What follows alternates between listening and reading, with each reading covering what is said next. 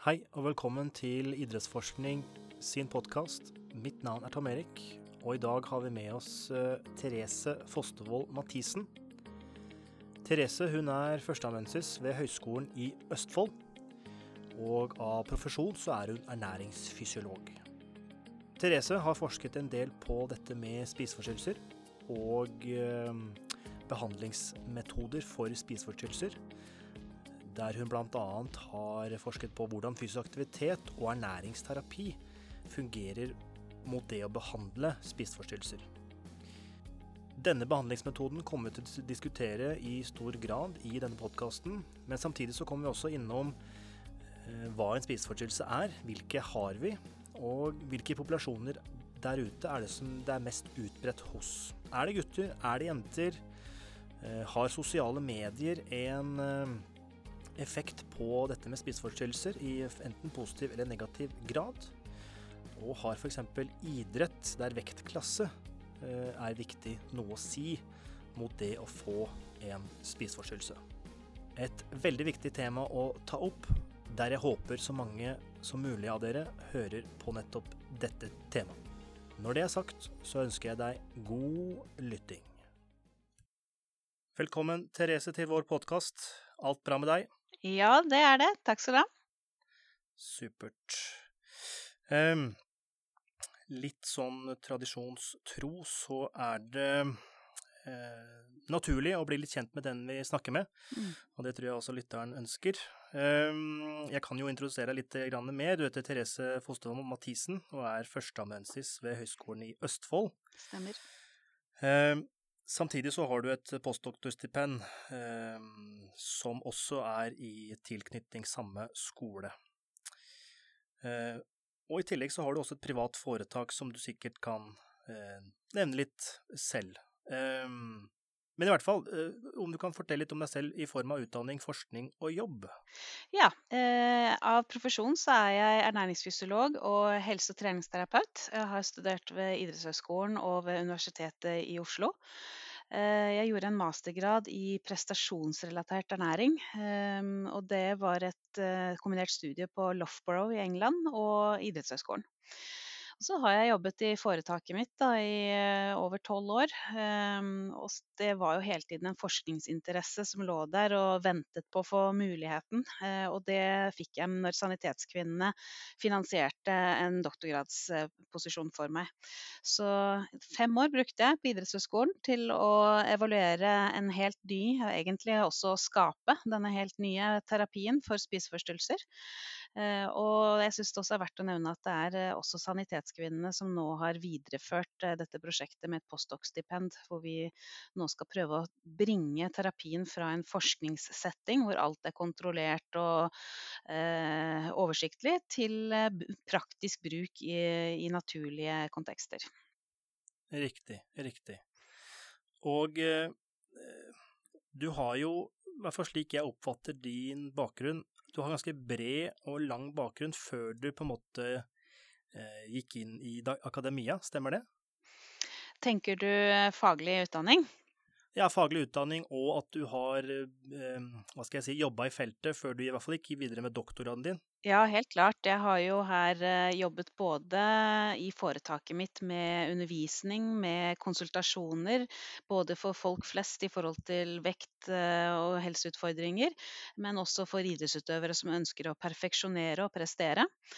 Ehm, jeg har drevet mye artikkelproduksjon og medieuttalelser. Ehm, så jeg har god erfaring i så måte, og under studietida jobba jeg også som eh, eh, vektsalgsinstruktør og personlig trener. Ehm, så jeg vil jo tørre å påstå da, at jeg har en ganske god, bred erfaring når det gjelder helsearbeider eh, og praksis i så måte. Mm. Riktig. Og du har jo eh, avlagt en eh, doktorgrad som omhandler eh, dette du nevner innledningsvis, behandling av spiseforstyrrelser. Mm. Der du har på en måte opprettet eller lagd en ny metode for å behandle dette med spiseforstyrrelser. Ja, det, og det, det, var egentlig en litt spennende vri på karrieren min, det å gå inn og fordype seg på behandling av spiseforstyrrelser. Eh, det er klart at det er en problematikk jeg har møtt eh, i min egen praksis når jeg har jobbet med ulike klienter. Eh, men det har aldri vært et hovedfokus, eller det er liksom ikke der de fleste av mine klienter hadde utfordringene sine. Men det var et veldig fristende tilbud da Jorunn Sundgodt Borgen ringte ringte meg og sa at eh, hun veldig gjerne ville ha meg med på dette prosjektet.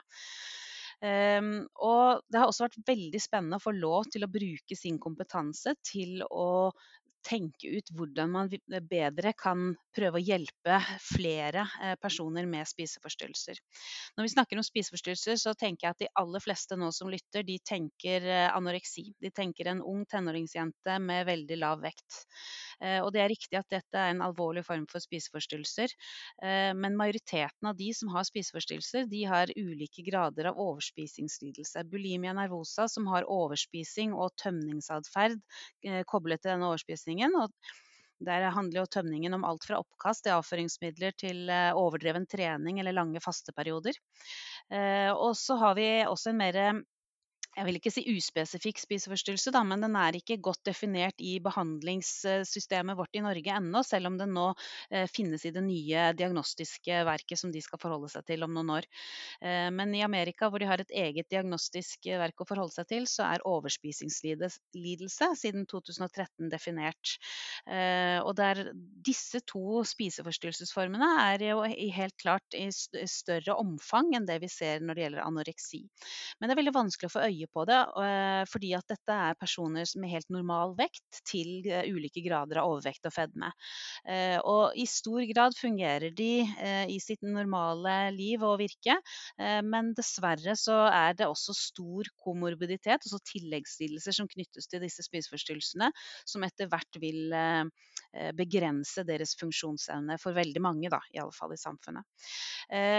Så, nå sier jeg jo litt om at det er en gruppe av de som vi ikke ser så lett. Og dette er også en problem da, i helsevesenet. fordi at det å snakke om psykisk lidelse har veldig lenge vært skambelagt.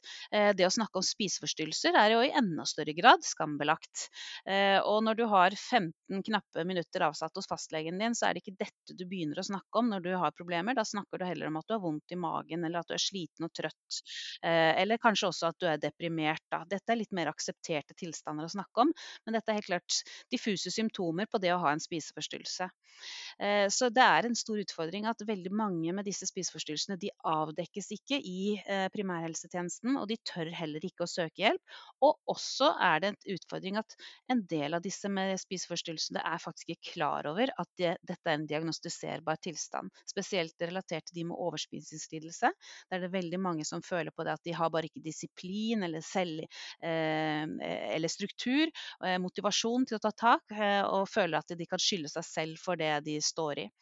Eh, jeg presiserte det kanskje ikke, men overspisingslidelse ligner veldig mye på bulimi med at de har gjentatte episoder hvor de mister kontroll på matinntak.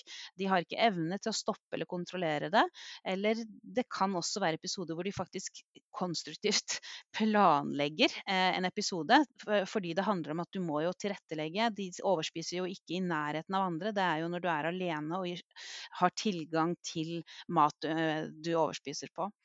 Ehm, men denne lidelsen eh, skiller seg fra bulimi ved at de ikke har en tømningsatferd i etterkant. Uh, og det handler jo dels om at det er ikke alle som klarer å fremprovosere oppkast. Men det handler også om at det er ikke nødvendigvis tømningen i seg selv som er målet, men det heller å dempe uro, ubehag og stress med matinntak. Ja, eh, jeg, kjenner at det er kanskje viktig også å presisere at spiseforstyrrelser mange tenker at spiseforstyrrelser handler om kroppsideal og kroppsfokus i samfunnet. At man bare ønsker å bli tynn og miste grepet rundt, eh, rundt hva man skal gjøre. Eh, og da er det viktig å presisere at det er egentlig bare et symptomuttrykk vi ser på helt underliggende andre problemer som de bærer på. Veldig typisk å se er lav selvtillit og eventuelt også lav mestringsfølelse. Eh, noen har alvorlige traumer bak seg som de nå prøver å håndtere med, med å distrahere seg fra ubehaget og følelsene og minnene om det. Eh, men andre, veldig mange, majoriteten av de har ikke traumer bak seg, men har rett og slett eh, en utfordring med å impulsregulere eller håndtere endringer i stemningsleie. Og, og, har jo da også etter hvert tilegnet seg en verdievaluering, hvor man setter sin egen verdi som menneske i det å klare å eh, ta kontroll over en ting i livet. Og da har plutselig matinntak og vektregulering blitt meningsfylt å kontrollere og vise sin mestring gjennom. Interessant, interessant. Men OK, det, er mm, mye informasjon. Eh, ja. Hvis, jeg, spor, jeg, sporer jo raskt av, vet du. For det, er, det, det, kommer jo mye Når jeg begynner å prate, så kommer det jo mye. Og, og jeg, jeg, egentlig så fortalte jeg deg hvorfor i all verden det var viktig for oss å prøve ut en helt ny behandlingsmetode. Og jeg startet med å si at det er veldig få som avdekkes i primærhelsetjenesten. Og dessverre så er det et stort eh, lidelsesuttrykk her med alvorlighet eh, rundt seg. Så de trengs å avdekkes, de trengs å få hjelp. Eh, men neste problem det er jo det at når de avdekkes, så er det veldig mange, spesielt da med bulimi og overspisingslidelse, som faktisk ikke har et reelt behandlingstilbud. Og det handler jo dels om diagnoser, f.eks. overspisingslidelse, som ikke er definert diagnose i det eksisterende operative diagnostiske verket i Norge. Eh, og det andre handler om at det, det er eh, flere som trenger hjelp enn det vi har behandlere tilgjengelig. Eh, og det er ikke alle behandlere som, som heller eh, kan de metodene som eh, egner seg i behandling av spiseforstyrrelser. Så mange finner ikke behandlingsalternativer, eller må stå lenge på venteliste til tross for at de står i en akuttsituasjon med umiddelbart behov for hjelp. Så det vi tenkte, det var at OK, da vet vi at det er en utfordring med at det er høye barrierer om å spørre om hjelp, det er mye skam. Eh, og de som skal hjelpe de, psykiaterne, psykologene, de er ofte belasta med ventelister og eventuelt begrenset kompetanse om tilstanden. Så hva med å prøve ut andre behandlingsformer som kan virke, som kan appellere til, til eh, eh, pasientgruppa? Som kan senke terskelen for å søke hjelp? Eh, og som kan spille på andre fagpersoner som ikke er belastet med disse ventelistene. Mm. Men eh, Det er kanskje et dumt spørsmål, men hvis man f.eks. har, eller man tror man har en spiseforstyrrelse, eller man sliter med noe lignende, mm. er det legen som er portalen videre, eller er det andre portaler som man kan benytte seg av? Det er jo eh, flere alternativer, og det er jo ikke sikkert at du er så heldig å ha en lege som har kunnskap om dette. For det er jo noe av utfordringen i helsevesenet, at det, de ikke har tilstrekkelig kunnskap til å skjønne eh, hva som faktisk er problemet. Og dessverre er det mange, spesielt med overspisingslidelse, som opplever at legen råder de til å gå på et slankekurs eh, i stedet for å se hva som er et underliggende problem. Eh, det er svært uheldig, og, og, gir jo egentlig bare grunn til å gi opp behandlingssystemet eh, når man har prøvd mange nok ganger som, som pasient selv. Da. Men eh, ja, det fins jo flere alternativer. Man, man, kan som ung på skole spørre hjelp hos helsesøster. Eh, man kan selvfølgelig eh, undersøke om legen har noe kompetanse på dette ved å se på omtaler i offentlige omtaleregistre, eller se, se på hva slags kompetanse de eventuelt markedsfører seg å ha. Du kan oppsøke private legesentre som markedsfører og har kompetanse på dette fagfeltet, men du kan også benytte benytte deg av lavterskeltilbud som kan hjelpe deg å sette ord på det du føler du har som utfordringer, og hjelpe deg til å identifisere om dette er faktisk klassifiseres som spiseforstyrret atferd eller også en spiseforstyrrelse. Eh, og jeg tenker jo at ROS er viktig å anbefale da, men også Spiseforstyrrelsesforeningen. Og de har egne nettsider og de har egne bekymringstelefoner som man kan ringe til for å få snakke med noen konkret. Og så har du jo de generelle eh, Eh, stedene å henvende seg til, som Rådet for psykisk helse og Mental Helse og Ungdom f.eks. Ja, ja. Hvis vi skal gå litt tilbake til doktorgraden din og dette, denne nye måte, behandlingsmåten, der du mm. vanligvis så er det hvis jeg, Nå må du arrestere meg hvis dette er feil, Therese, men vanligvis er det det vi kaller for kognitiv terapi eh, som mm. behandler de med spiseforstyrrelse, men der mm. du og ditt eh, team ønsket å Eh, kombinere fysisk aktivitet sammen med ernærings... Eh, mm. ernæringsterapi. Og Mm. Kan du fortelle litt om det, og hva dere fant ut? Vi ble jo møtt med stor skepsis, spesielt fra det psykiatriske fagfeltet, når vi påsto at vi skulle bruke det de anser som symptomer på en eh, stor lidelse, eh, og bruke symptomene som terapi. Eh, og, og påstå at vi kunne gjøre vondt verre. Og vi forstår kritikken. For saken er jo, som jeg nevnte i stad, at det å stadig prøve å slanke seg, det å ende opp i overspising, det å overtrene mye. Dette er jo symptomer vi ser. Dette er jo ikke lidelsen i seg selv. Eh, og lidelsen i seg selv, det handler jo om et eh, verdigrunnlag hvor du evaluerer deg selv eh, ut ifra evne til å ta kontroll på ting, som f.eks. mat og, og trening. Så behandlingen den er jo eh, i hovedsak, til nå i hvert fall, vært direkte psykoterapi. Og når det gjelder psykoterapi, så kan det være mange modeller man vil jobbe ut ifra. Men psykoterapi har da som hensikt å, å, jobbe med tankene dine rundt din egen verdi eh, og evalueringen av deg selv, og også litt atferdsrelatert som regel, i forhold til hvordan du da agerer i gitte situasjoner, og hva du eventuelt kan gjøre annerledes. Eh, hvor da en med spiseforstyrrelser veldig ofte vil håndtere stress og uro og vanskeligheter med matinntak eller tømningsatferd. Um, og du sier kognitiv atferdsterapi, og det er helt korrekt. For når det gjelder bulimi, og i stor grad også overspisingslidelse, så er kognitiv atferdsterapi en av de type terapimodeller man kan bruke for å behandle spiseforstyrrelse. En av de formene for psykoterapi som man kan gi. Og det er nettopp kognitiv atferdsterapi som holdes frem i litteraturen i dag som det beste formen for terapi vi kan gi til bulimi og overspisingslidelse. Eh, og da er det jo sørgelig når vi da vet at uh, dette er en terapiform som ytes av en faggruppe som er belasta med, med, ventelister. Uh, det er ikke alle som psykologer, psyki psykiatere som kan denne terapiformen. Og det er også slik at selv om det er det beste vi har å gi, så er det over 50% som ikke responderer på denne terapiformen. Så, så, det er jo grunn til å utforske flere terapiformer. Og vi var ikke ute etter å jobbe med symptomer direkte når vi tenkte at trening og kosthold skulle hjelpe dem. Eh, kosthold er jo i utgangspunktet en svært viktig del av all form for behandling av spiseforstyrrelser. For når du har et såpass eh, forstyrret forhold til mat, så er det veldig mange som må relære seg å spise normalt. Har, eh, mange har mistet begreper om hva normale porsjonsstørrelser er. Og mange klarer ikke å tillate seg å prøve ut å spise normalt, selv om de i stor grad kanskje vet hva som er normalt. Så det å jobbe helt konkret atferdsmessig og med rådføring og støtte rundt kosthold, det er er en viktig del av all form for terapi rundt spiseforstyrrelser. Så det var, følte jeg var naturlig å ta inn i denne terapiformen. Men til forskjell for mye av den eh, kostholdsterapi jeg har sett er gitt, så, så utvidet, den, utvidet, vi denne terapiformen til å være hovedkomponenten eh, i, eh, i behandlingen. Eh, og vi eh, inkluderte en del innhold eh, i denne terapiformen som vi ikke har sett uttrykt i annen kostholdsterapi for spiseforstyrrelse tidligere. Um, når det gjelder trening, så bygde vi litt på et pilotprosjekt som Jorunn Sundgodt Borgen, min veileder, har gjennomført for over 10-12 år tilbake. Uh, ja, det, det, er såpass. Uh, og det, det, jeg også tenker det er såpass lenge siden, og likevel har det ikke skjedd noe siden den gang.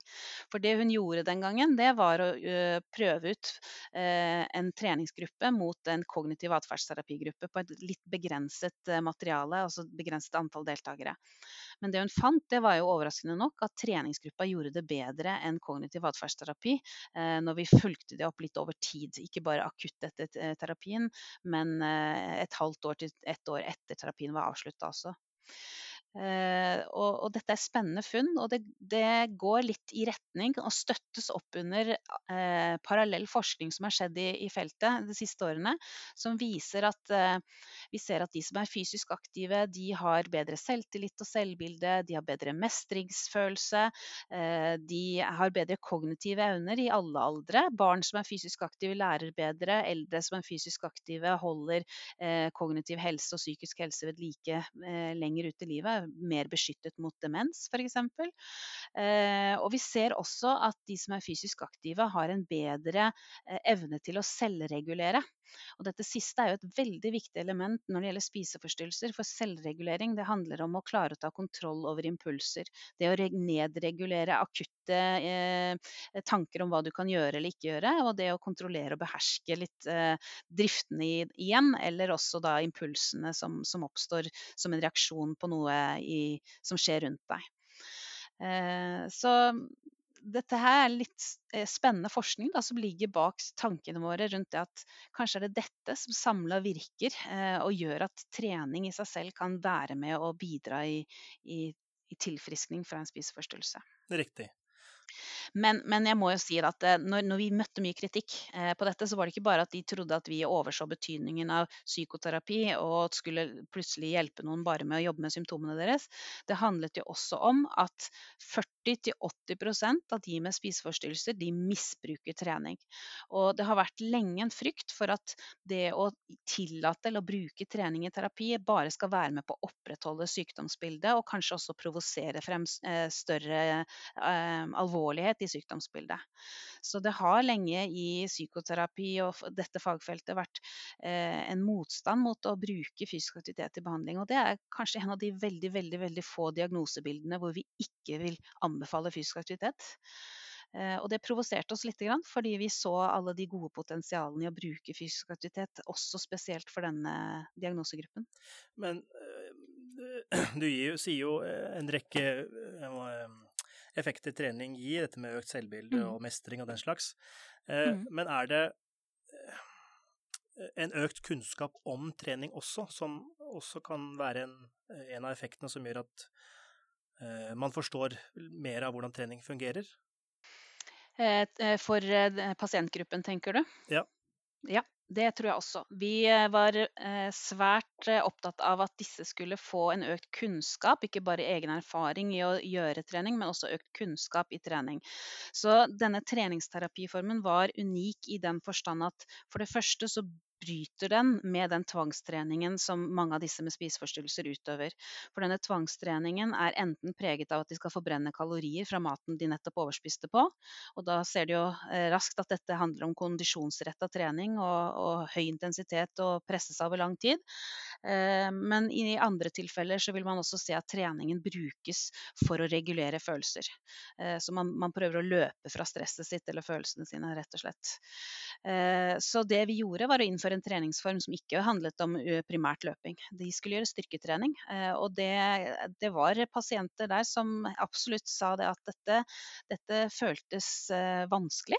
Fordi de hadde sine faste treningsrutiner, de visste hvor mye kalorier de forbrant der. Og de satt igjen med den følelsen at nå er jeg utslitt og fysisk utmatta, og det gir meg en psykisk ro. Men så plutselig skal du da inn og gjøre litt knebøy og litt benkpress og litt nedtrekk bak osv. Så videre, sånn type tradisjonelle styrkeøvelser. Og ikke har de svetta like mye, og ikke har de hatt like høy puls, og ikke noen begreper om hvor mye energi de brukte, og ikke fått den samme fysiske utmattelsen etter treningsøkta. Så det, de første øktene var for flere vanskelig å håndtere. Eh, de hadde mer eh, en, eh, et behov for å gå hjem og trene mer for å få gjort det de mente var trening. Eh, men vi mente at dette var en riktig form for trening, eh, og det er mange fysiologiske argumenter for hvorfor vi ville ha den med. Men hvis vi konsentrerer oss om det psykologiske primært nå, så handler det jo dette her om å kontrollere, affektregulere. For her blir de bedt ikke om å løpe fra følelsene sine, men å stå samla i følelsene sine. Og de må klare å, å, å, fjerne følelsene eller tankene litt vekk, for nå får de beskjed om at de må trekke pusten og spenne kjernemuskulaturen.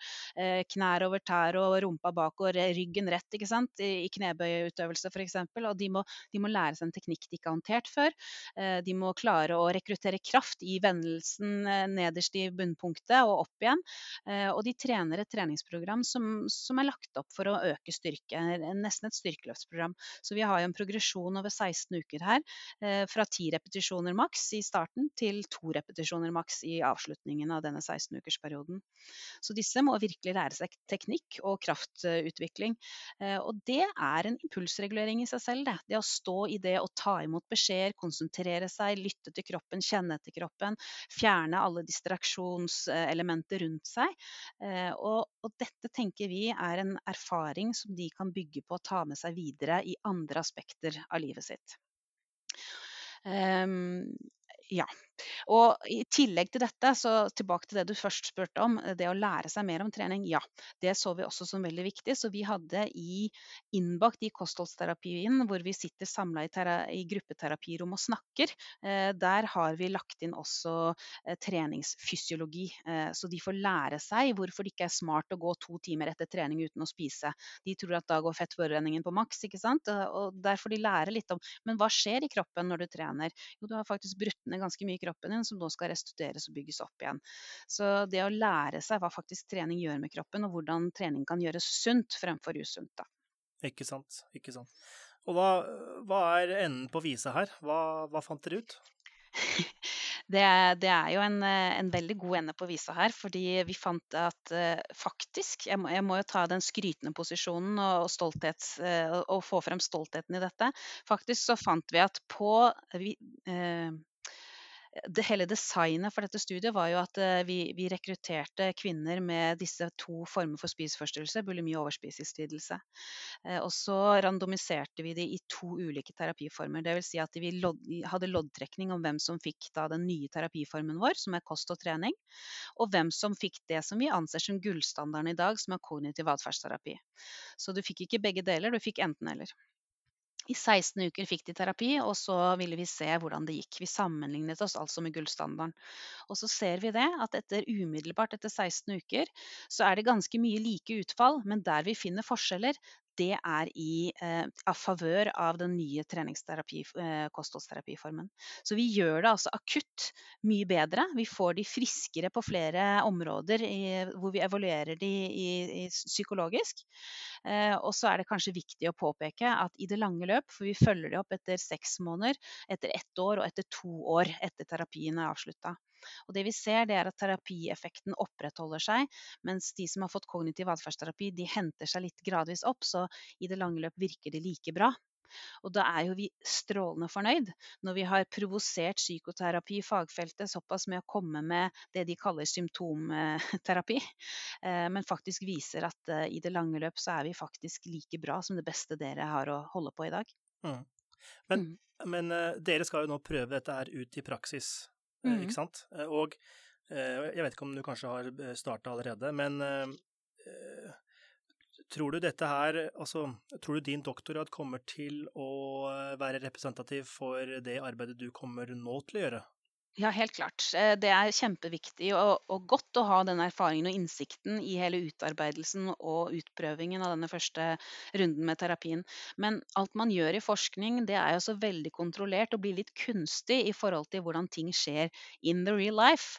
Eh, og det er jo det det neste steget nå handler om. Ok, når vi tok alle deltakerne opp på Idrettshøgskolen i Oslo og eh, fikk, fikk de inn i et miljø som virkelig representerer helse og det beste, fremfor å dra de ned på en klinikk klinikk hvor de føler seg syke og pasienter, så fikk vi til noe veldig unikt og bra.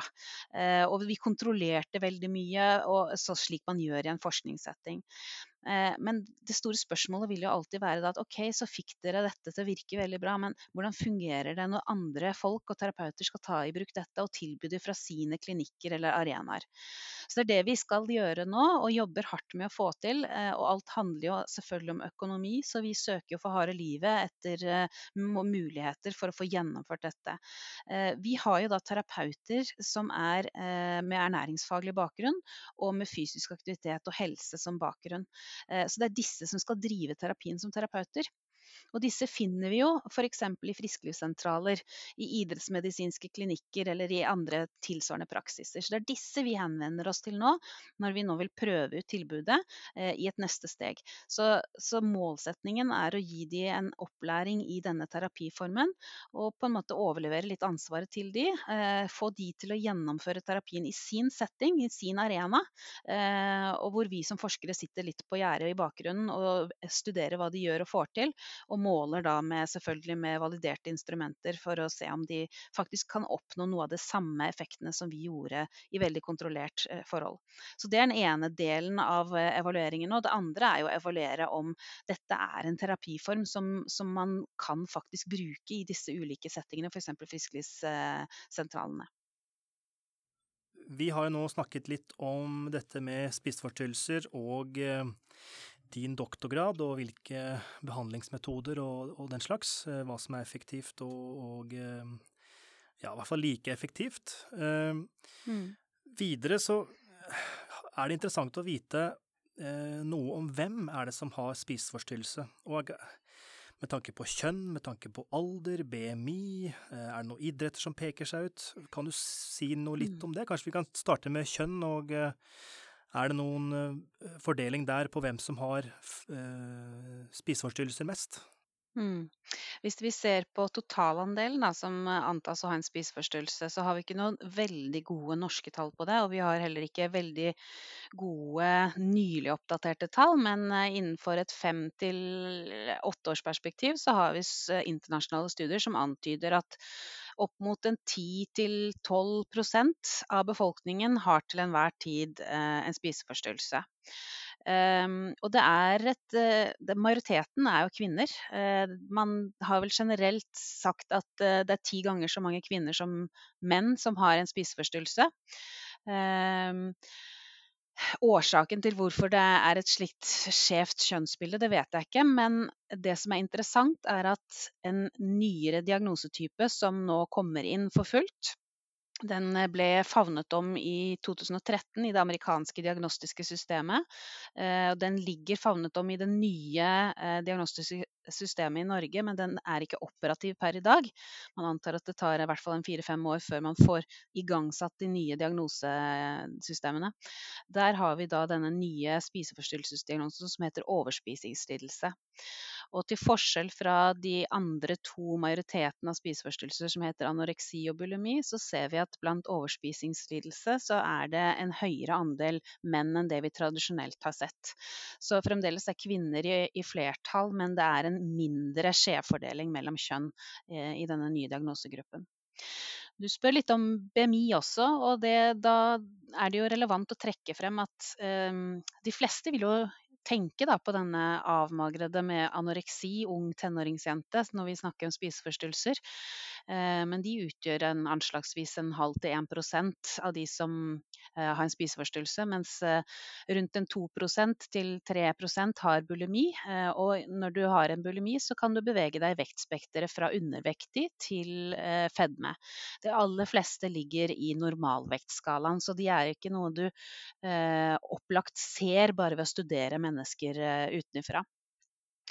Eh, når det gjelder overspisingslidelse, så har du også der hele vektskalaen representert, men eh, her heller det jo mer og mer over mot overvekt og fedme.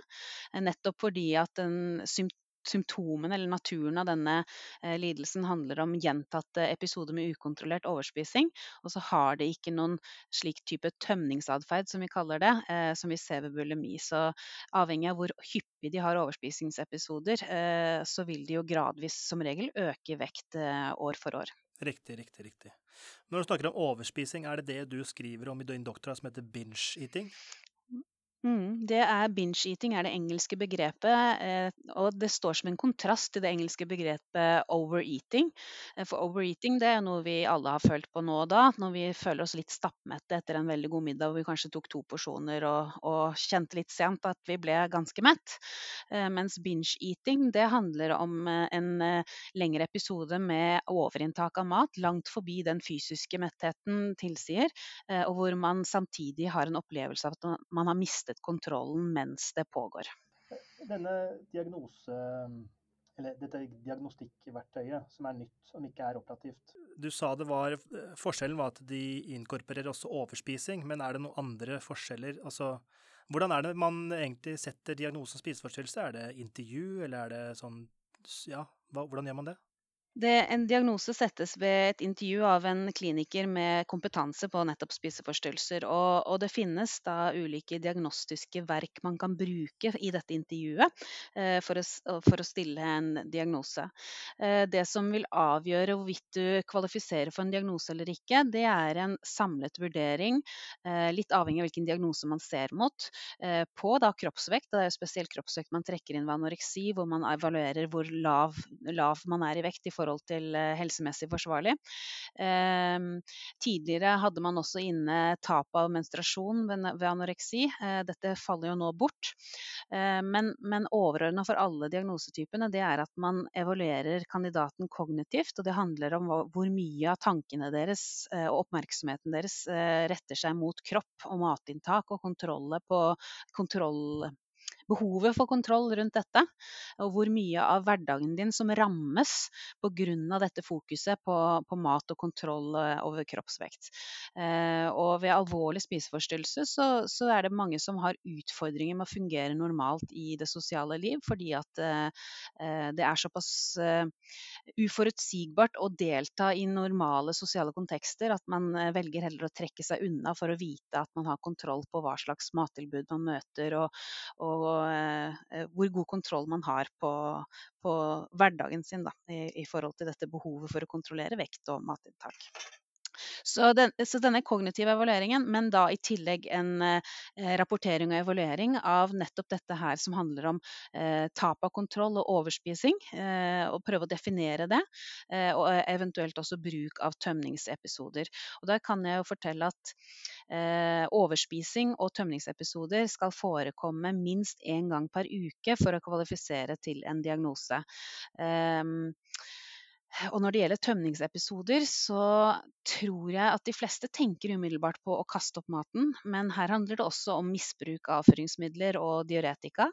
Eh, og en ting jeg tenker eh, personer som er opptatt av idrett og trening bør ha med seg, det er at eh, straffetrening, eller trening der du gjennomføre en økt utelukkende på bakgrunn av å forbrenne kalorier fordi du har dårlig eh, samvittighet overfor noe du nettopp har spist, eller fordi du planlegger å spise noen ting så du føler at først må jeg forbrenne kalorier for å lovliggjøre det, det er også kvalifisert som en tømningsepisode.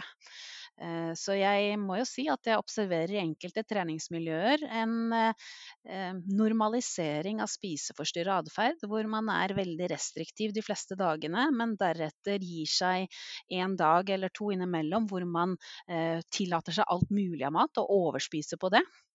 Eh, og, fascinerende nok eh, ofte viser til dette i sine sosiale medier, hvor mye de har spist og hvor mye såkalt dårlig mat eller usunn mat de har spist. Eh, men hvor de deretter legger inn ekstra trening for å prøve å kompensere litt og forbrenne litt ekstra kalorier. Du sikter ikke det noen folk kaller spisedag, de som er på diett? Ja, det er det noen kaller spisedag. og Dette er jo hentet fra kroppsbyggerkulturen, hvor man gikk lengre perioder à la tre-fire måneder og mer på diett. Og, hvor en av de kjedelige bieffektene av å gå på diett er at forbrenningen reduseres gradvis, og det er vanskeligere å bli mer og mer definert. Så det man la inn, var en spisedag i håp om at dette skulle kickstarte forbrenningen litt. Eh, av den dokumentasjonen vi ser i litteraturen i dag, så gir dette en veldig begrenset effekt, fordi du får riktignok en liten økning i forbrenningen forbrenningen den dagen du spiser litt ekstra, men du er tilbake til eh, redusert forbrenning igjen med en gang du går inn i dietten din neste dag. Så, så, forbrenningen på bakgrunn av hvor mye du spiser, den, den justeres på daglig basis opp og ned, avhengig av om du har spist mye eller spist lite. Eh, og en fornuftig kroppsbygger der dette her var en, en, rutine som ble innført, ville jo da spise ekstra kvalitetsrik mat for nettopp å gi tilstrekkelig med både energi til å bygge seg og holde på muskulaturen, men også da riktige byggestener. Så det er jo ikke det som veldig mange i dag praktiseres som cheat days, hvor de kaster innpå is og godteri og mye junkfood og, og kaloritett mat. Det er kvalitetsrik mat man hadde fokus på tidligere, når dette var et, si, en atferd eller konsept man etterlevde. Da. Det som er litt interessant her, er at uh, i denne diagnosen så uh, prøver man å etablere hva slags fokus og ønske om kontroll man har rundt dette med mat og trening og andre former for å bruke kalorier, eller kvitte seg med kalorier. Men vil ikke dette inkorporere mange av vektklasseidrettene? Um, det, det, er ikke slik at du automatisk vil eh, kategorisere de som driver vektklasseidretter som spiseforstyrra. Eh, men vi kan snu om på det og si at dessverre er eh, disse typer idretter en type arena hvor du finner mange med spiseforstyrra atferd. Og det kan handle dels om at dette er type idretter som tiltrekker seg de personer som i utgangspunktet har et problem, men som ser at her finner jeg min arena hvor ingen vil reagere på mitt atferdsmønster, for dette er normalt her. Eh, eller det kan være en effekt av å leve i den idretten under det presset den idretten har, eh, og hvor det fokuset tar overhånd til slutt. Så Eh, det kan altså være et resultat av dette jaget, konstante jaget om å ha lav vekt, eller spise lite for å oppnå en lav vekt til en gitt innveiing, eller kanskje ikke bare vektklasseidretter, men estetiske idretter hvor du kontinuerlig skal se ut etter en viss standard, kroppsideal. Eh, eller vektbærende idretter, hvor hele prestasjonsevnen din er avhengig av hvor mye vekt du skal bære rundt i, i den seansen hvor idretten utøves. Da. Om det er eh, løping eller om det er ski, f.eks Riktig. Riktig. Og uh, dette verktøyet du snakker om, eller det nye verktøyet med fysisk aktivitet og ernæringsterapi, vil uh, den terapien fungere like godt for de som allerede er uh, skal jeg si, godt skolert innenfor trening? Mm. Ja, det er jo et godt spørsmål, for det har vi ikke sett eh, konkret på. Men eh, når det er sagt, så vet jeg at eh, av de 167 som vi hadde rekruttert og satte i gang i vårt behandlingskonsept, så var det omtrent 50-50. Eh, fra ytterpunktet eh, har aldri trent regelmessig siden gymmen på ungdomsskole og videregående og hater gym og kan, kunne ikke tenke meg noe verre, til de som virkelig eh, jeg vil jo si at De vil jo si at de elsker trening, men jeg vil si at de til en viss grad misbruker trening. Så vi har liksom begge ytterpunktene representert i denne behandlingsformen vi har testet ut. Eh, men vi har ikke sett på om det vil bestemme hvor godt de har respondert på behandlingen. Eh, sånn ut ifra mitt overordna blikk på det og erfaring, så vil jeg si det at uh, det er et fåtall av de som var godt trente eller godt vant med trening, som ikke hadde utbytte av det. Uh, veldig mange hadde et godt utbytte fordi de hadde en del myter de etterlevde, og ikke nødvendigvis akademisk uh, kunnskap rundt treningsfysiologi og restitusjon, men mer sånn de har plukket opp litt her og der, som, som gjerne kan bli feillære eller vranglære. Da. Ok, riktig. riktig. Eh, dette med mm, sosiale medier som på en måte øker tilgjengeligheten til kropp og eh, potensielt øker et, eh, har, fører til et økt kroppsfokus. Ser du noen potensielle utfordringer med dette økende bruken av sosiale medier? Ja, jeg, jeg, ser jo helt klart det. Um, og influensere generelt, og hvor fritt de står til å si og påstå både det ene og det andre. Uh, nå er det ikke slik at det å eksponeres for slik kroppsfokus i seg selv gir spiseforstyrrelser det skal være underliggende faktorer som gjør at slike eksponerende faktorer eh, eh, løser det ut til syvende og sist. Men som sagt, da, det, det, må være noe som ligger til grunn. Eh, og det som er spennende, det er at eh, de siste års forskning har vist nå at det er mye genetikk bak dette med spiseforstyrrelser. Eh, veldig mange har hatt inntrykk av at dette er bare en sånn greie med at de prøver å slanke seg og har ikke helt begrep om hva de holder på med. Men eh, nå viser det at eh, det ligger veldig mange genkomponenter bak som sammenfaller med, med risikoen, risikobildet for å få eh, spiseforstyrrelser og utvikle spiseforstyrrelser. Så eh, først og fremst en genetisk sårbarhet. Eh, og så handler det om miljøfaktorene som er med på enten å beskytte individet mot å utvikle spiseforstyrrelser, eller som er med på å, å trigge det hele frem. Og, og, jeg vil jo si at den primære eh, miljøfaktoren man skal ha fokus fokus på, det er jo eh, den tryggheten individet har i sin oppvekst og identitetsutvikling. Eh, og denne skjer jo helt klart eh, helt frem mot tenårene og midt gjennom tenårene spesifikt mye. Det er jo der vi virkelig danner grunnlag for vår identitet, identitet som vi bærer videre med oss i livet. Og da er det viktig å ha trygge rammer, god støtte rundt hvem du er, og, og, og hjelp til både å, å, finne deg selv, men å, å, bli trygg på deg selv, at du er god nok som du er. Det å skape en god selvtillit, eh, og ikke minst evner til å filtrere ut bullshit som du møter på i samfunnet, og, og holde på de gode tingene, sånn at du bygger deg sterkere. Eh, og opplever man omsorgssvikt, opplever man Eh, tøffe hendelser i oppveksten, så er det klart at det, det, skaper en ekstra sårbarhet i tillegg til den genetiske komponenten.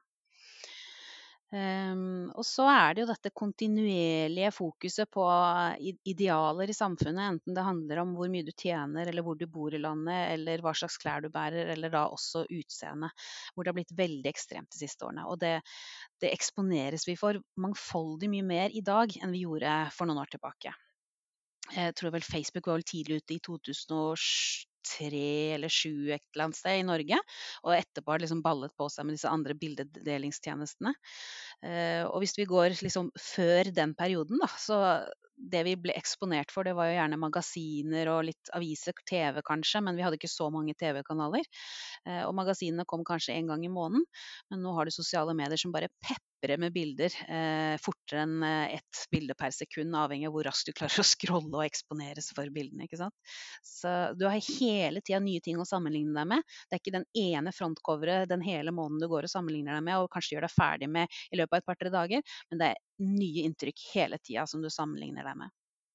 Og det, det, er jo selvfølgelig en stor utfordring, og spesielt hvis man da ikke har de trygge rammene som skaper god, eh, et godt selvbilde og god eh, selvtillit.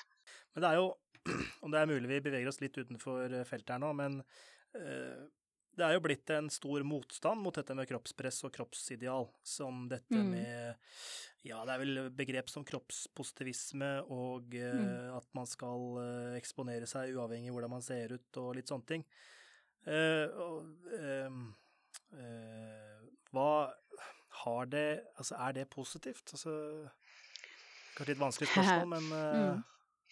Det har, det har, jo sine fordeler, men det har helt klart sine ulemper også. Der blir det vel mye mening frem og tilbake. Så hvis jeg skal uttale ut ifra min egen mening, så tenker jeg at i starten var vi veldig avhengig av å få dette opprøret. For å få en brems på dette eh, uselektive og ensidige eh, presset og fokuset og kommunikasjonen på hvor perfekt vi skulle bli.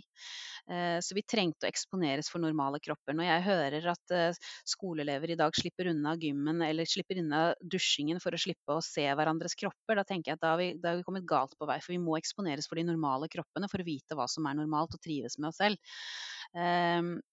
Så eh, det er klart at dette lille opprøret som begynte å vise de mer normale kroppene, var helt klart nødvendig. Og så er spørsmålet hvor lenge skal vi holde på med det? Fordi folk går jo skikkelig lei, og det er ikke nødvendigvis mer riktig å vise en, en en slank kropp enn en overvektig kropp.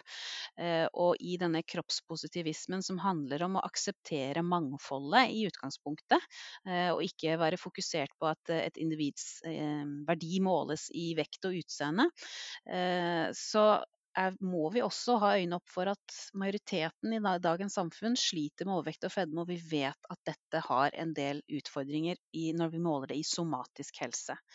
Så en ensidig kroppspositivisme hvor vi skal løfte frem eh, og normalisere også overvekt, kan være litt uheldig når vi vet at dette som sagt somatisk sett er en utfordring. Eh, vet du noe om hvordan eh Eh, hvordan sosiale medier påvirker ulike felt. Det vil si, de med idrettslig bakgrunn eller er idrettsutøvere, påvirkes mer eller mindre grad enn de som ikke har idrettslig bakgrunn, som altså Ola og Kari Nordmann der ute. Altså, mm. har du noen tall eller tanker rundt det? Nei, jeg har ikke satt meg inn i det, om det finnes. Men eh, vi vet jo at man henger seg på eh, kilder som publiserer bilder som går i ditt, ditt, interessefelt. Så er du veldig opptatt av eh, trening og kropp og, og prestasjon og utseende, så, så, vil du ofte henge på de profiler som eksponerer slik type bilder. Sånn at din feed vil jo bli veldig full av akkurat sånne type bilder, som vil være med å forsterke det fokuset man i utgangspunktet har. Eh, men eh, noe mer enn det tror jeg ikke jeg skal uttale meg om akkurat det. Fordi eh, i eh, bachelor som ble levert nå til jul her i Sogndal, så hadde vi tre studenter som gjorde en eh, innholdsanalyse av ja, om det var 16 Instagram-profiler der vi hadde ulike kriterier om hvem, hvilke influensere, eller treningsinfluensere vi valgte ut. Og så lagde vi en uh, slags uh, kategoriliste der du skulle identifisere 800 bilder. Det vil si om et bilde inneholder uh, hud eller inneholder en matvare, en drikkevare, om det er treningsbekledning, om det er muskuløs osv. osv. Og det vi da fant ut, iallfall innen det, denne datainnsamlinga her, som vi potensielt kan publisere etter hvert, det var at Det som var spesielt, var at veldig mange av disse treningsinfluenserne var inaktive i bildet. 86 eh, var inaktive, men 42 eh, av bildene var med treningsbekledning. Og det er jo litt interessant at de Det tyder veldig på at de poserer med treningsbekledning for å fremme kropp og Eh, ja, det, eh, formen av sin egen kropp. Mm. Eh, og det var også en over, overfokus på muskulu, muskuløse kropper og lav fettprosent. Mm. Ja, det er jeg ikke overraska over å høre. Det er mitt inntrykk også når jeg scroller gjennom og ser på de ulike kjente og mindre kjente profiler som har fokus på idrett, mat og helse. Ikke sant, ikke sant. Så det var jo eh, ja, interessante funn vi, vi fant der. Eh, så det ja, tyder jo på at sosiale medier er en eh, eksponerings... Se og bli sett. Ja, ja se og bli mm, og en eksponeringsarena som blir brukt i, i, i stor grad. Mm. Og her har vi jo egentlig et verktøy som i utgangspunktet kan brukes konstruktivt til å motivere eller gi råd og tips. Eh, men jeg er litt redd for hvordan man skal bruke den mest mulig fornuftig, fordi hvem som helst kan si hva som helst. Og, skal man da stole på hvem som helst, eller bør man se mot de som har noe type akademisk utdanning på ja, la oss si ernæringsfagfeltet eller treningsfagfeltet, før man ukritisk begynner å plukke opp tips, da. Eh, men, men det, det her ligger jo en mulighet til å være mer en positiv eh, drivkraft for å få mer, flere folk fysisk aktive og velge sunnere kosthold, fremfor å eksponere seg selv og hvordan man ser ut og har blitt etter å ha gjort uh, sine mer eller mindre sunne tiltak. Mm. Men uh, er det ikke sånn at uh, akademikere flest er mindre gode på sosiale medier, hvis vi skal sammenligne med en influenser, da? Jo, jeg er helt enig. Tjener, de, vi tjener ikke så mye penger på det. Nei, det, det er sant. Eh, eh, og vi er mindre attraktive sponsorobjekter også, så det, det skjønner jeg også. Men eh, problemet er jo at vi akademikere vi måles i, i faglig eh, produksjon, eh, og det tar mye tid å prøve å få ut sin faglige forskning og formidling. Så vi finnes nok i større grad i vitenskapelige publikasjoner hvor folk flest ikke finnes, dessverre. Men det er et stort fokus i akademia nå på å få forskerne til å kommunisere bedre ut til allmennheten om hva de har forsket på og funnet. Så jeg ser en gradvis, men dog treg bevegelse på at flere forskere eh, i hvert fall er i de ordinære mediene og uttaler seg. Eh, men veldig få har tid eller kompetanse til å ta tak i sosiale medier. Og det er synd, for det er der du treffer nå stadig, i hvert fall når det gjelder den yngre delen av befolkningen, stadig flest, flest der. Ja, ja enig. Eh, så har vi dette med når det kommer til eh, influensere versus akademikere, så er det jo eh, nesten eh, hver uke et nyhetsoppslag om en eller annen diett om det er lavkarbo, lavfett eller kjøttdietten eller vegansk, eller om det er game changers eller pesketarianer eller hva som helst. Det er jo en fauna der med ulike dietter som sier at vi, eller vår diett, er best. Uh, og hva slags påvirkning kan dette ha for de som uh, har underliggende problemer, eller folk som har underliggende problemer som kan bli trigga av dette her til å få spiseforstyrrelser? Ja. Du er inne på noe veldig viktig her, og jeg erindrer nå en PT som fikk kjørt seg ganske hardt i media for noen år tilbake fordi hun hadde påstått uh, noe om en banan som kunne gjøre deg veldig fett, og det var jo eh, et blindspor uten like i seg selv. Men, men uh, det hun bl.a. forsvarte seg med var, uh, i noe av kritikken hun møtte, var at hun snakket jo ikke til de med spiseforstyrrelser, hun snakket til de med et behov for å gå ned i vekt. Og da har de jo bommet ganske kraftig, for det er veldig mange av de som somatisk evaluert har behov for å gå ned i vekt, som faktisk har en spiseproblematikk. Eh, men når det er sagt, eh, det er gjerne de med spiseforstyrrelser som søker seg mot slik type eh, stoff eh, som handler om vekt og helse og kropp. Så det skal vi alltid ha i bakhodet når vi skriver, at selv om vi skriver til en del av befolkningen vi tenker skulle hatt nytte av å lære dette, så er det en, en stor andel som søker seg mot dette fagstoffet som ikke burde eksponeres for det i så stor grad. Og det eh, det er jo ikke noen nyhet at det er mange forskjellige dietter å velge mellom. Det har det jo alltid vært. fordi at der du kan tjene penger, der, der, eh, der er det et vekstgrunnlag uten like. Um, det jeg syns er skremmende, er at folk ennå fremdeles, til tross for så mye debatter og, og opplysning rundt det, velger dietter som selges, selges, på bakgrunn av vektfokuset, eh, ukritisk uten å ha noe særlig fokus på hva det kan gjøre med helsa kortsiktig eller langsiktig. Eh, det som også skaper større frustrasjon kanskje i dag enn det gjorde tidligere, det er at det er så da som vi sier, sosiale medier er der hele tiden, og det er så mange av de eh, ulike medieplattformene, så du kan eksponeres for budskap rundt de ulike diettene non stop hele tiden. Eh, og det er vanskelig å ta stilling til, da. Som du sier, er det den dietten eller den dietten eller den dietten som er best? Eh, og hvilken virker raskest? Og hvilken er lettest å følge uten å ryke, osv. Og, og det forteller jo ingen av disse sosiale mediene noe om, for de er utelukkende ute etter å promotere sin ene greie det er skremmende, for det er veldig ofte da influensere som, som, blir brukt til å promotere det hele, og de har som regel null kompetanse på, på helse og vektregulering. Ikke sant. Skulle du si noe mer?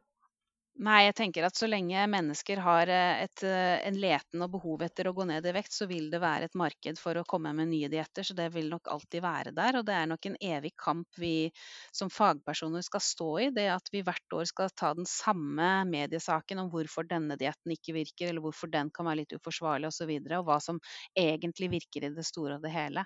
Det er litt utmattende som fagperson å skulle ta den dialogen hvert eneste år, spesielt over nyttår, ja, hvor alle skal slagse etter jula.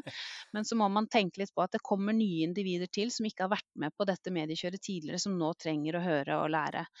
Ehm, men dessverre så er det jo en ukritisk eh, fremstilling i media. Hvem som helst kan få si hva som helst. Så det er vanskelig å sortere ut hvem som man skal lytte til eller ikke. Ehm, vi har ikke veldig mye kunnskap om hva nordmenn kan om kosthold. Eh, vi har noen små undersøkelser her og der, og, jeg kjenner vel egentlig kun til én undersøkelse fra Tromsø for noen år tilbake som undersøkte hva ungdom kunne om helse og kosthold. Og Der fremkom det at uh, ungdommen selv etterlyser troverdige kilder, og at de er litt fortvila. De vet ikke helt hvem de skal høre på, og hvor de skal lete etter kompetanse. Okay. Og da syns jo jeg at det er fryktelig sørgelig at mat- og helsefaget har så lite plass i skolen, for det er jo virkelig en arena hvor vi kan nå alle eh, gjennom livet en, gang, eh, og ha mulighet til å gi dem en solid grunnkunnskap å stå i når de skal ut og møte de ulike påstandene i sosiale medier. Ikke sant. Det burde kanskje vært en uh, fagfellevurdering av influenseres uh, posting også. Men uh, hadde, ikke vært, hadde, ikke vært, så mye det kom ut, da. nei, ikke sant. Det har vært mye, mye reject. Er det noe vi har glemt å prate om, Therese? Nei, jeg syns jo det kan være greit å, å påpeke at dette med spiseforstyrrelser er jo fremdeles en veldig skambelagt uh, lidelse. Uh, det, er som, det, det, er få som snakker åpent om at de har en utfordring. Uh, og majoriteten tier stille både for nærmeste familie og for sin egen fastlege. Eh, og det handler jo litt om selvinnsikt, hvorvidt man anser det som et problem, eh, eller om man føler at dette er et godt kontrollregime som jeg skal holde meg til. Eh, men det handler også om at man frykter at det ikke fins noe hjelp, og at hjelpen som eventuelt tilbys ikke skal bidra til noe forbedring, bare gjøre en lang innsats og arbeid mer frustrerende og vond. Eh, og da syns jeg det er viktig å påpeke at vi har nå flere ulike typer behandlinger å tilby. Eh, det er flere ulike typer fagpersoner man kan ty til. Eh, det man skal være sikker på, det er at det er en person som har erfaring og kompetanse på spiseforstyrrelser som du søker. At det ikke er en ordinær livsstilsveileder, coach eller PT f.eks. Spør via fastlege. Spør via helsesykepleiere. Eh, ta kontakt med de ulike opplysningsorgan eh, og interesseforeninger som finnes, sånn som eh, Rådgivningsorganet for spiseforstyrrelser, ROS, eller Spiseforstyrrelsesforeningen. Innenfor idrett har vi jo Sunn idrett med egen bekymringstelefon, der du kan ringe inn hvis du er bekymret for noen, eh, eller hvor du selv kan ringe inn hvis du føler du har en utfordring. Så det fins mange steder man kan oppsøke hjelp. Um, og så skal man da være klar over at uh, majoriteten av de som har et spiseforstyrrelse, de lider i stillhet og er kanskje i din nærmeste vennegjeng eller familie. Du ser det ikke på dem, fordi at de er nettopp da i hele spekteret av eh, vektklasser og funksjonsevner. Så de kan eh, være barnehagelærere, de kan være leger, de kan være PT-er, eh, de kan være jurister. Altså de fins i alle yrkesgrupper, alders, aldersspenn. Selv om man tradisjonelt har fokus på tenåringene, så er dette også en lidelse man får, eller bevarer i godt voksen alder også. Mm, mm. Hvis man ikke har søkt hjelp. Ikke sant. Og det skal vi legge ved disse linkene og uh, informasjons... Uh, eller de kanalene man kan benytte seg av dersom man kjenner eller har uh, Eller tror man har spiseforstyrrelse. Det er mm, absolutt viktig. Eller ønsker hjelp og oppklaring. Ja. Videre forskning, Therese. Hva er det du ønsker å gjøre? Jeg vet at du skal sette denne, dette verktøyet til verks, men skal du samle inn data i tillegg, eller? Ja, det, det, vil jo helt klart følge. Det, vi har altså utforsket en ny måte å behandle spiseforstyrrelsene bulimi og overspisingslidelse på. Vi fant såpass bra effekt eh, at vi kan ikke la dette ligge som et lite forskningsprosjekt som blir gjennomført. Så Sanitetskvinnene har gjennom Nå har vi jo akkurat passert en helg med fastelavnsboller og fastelavnsris, og da kan du tenke på det at eh, hvis du var så eh, pliktoppfyllende å kjøpe et fastelavnsris, så har du vært med på å støtte kvinnehelseforskning. og Det er bl.a. da 30 000 slike fastelavnsris som ligger bak eh, den forskningsoppgaven jeg har gjort i de siste fem årene med å utforske denne nye behandlingsmetoden. Eh, og det er altså Sanitetskvinnene som har finansiert videre det at vi skal prøve ut den nye behandlingsmetoden ut i en natur, naturlig arena. Ikke bare oppe på idrettshøyskolen hvor vi driver forskning og undervisning, men vi skal ta det ut og se om det lar seg gjennomføre og bruke og være anvendelig i, i naturlige kontekster.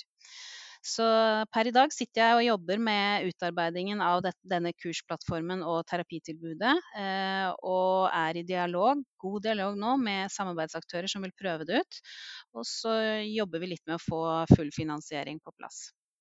Eh, det vi er ute etter, er jo da målet om pasientgruppen opplever det som gode arenaer å søke seg mot. Eh, vi ønsker å måle om de terapeutene, næringsfysiologene og treningsfysiologene som skal ta imot brukergruppen, om de opplever seg kompetente nok etter eh, opplæring og opplever sin arena som en egnet arena.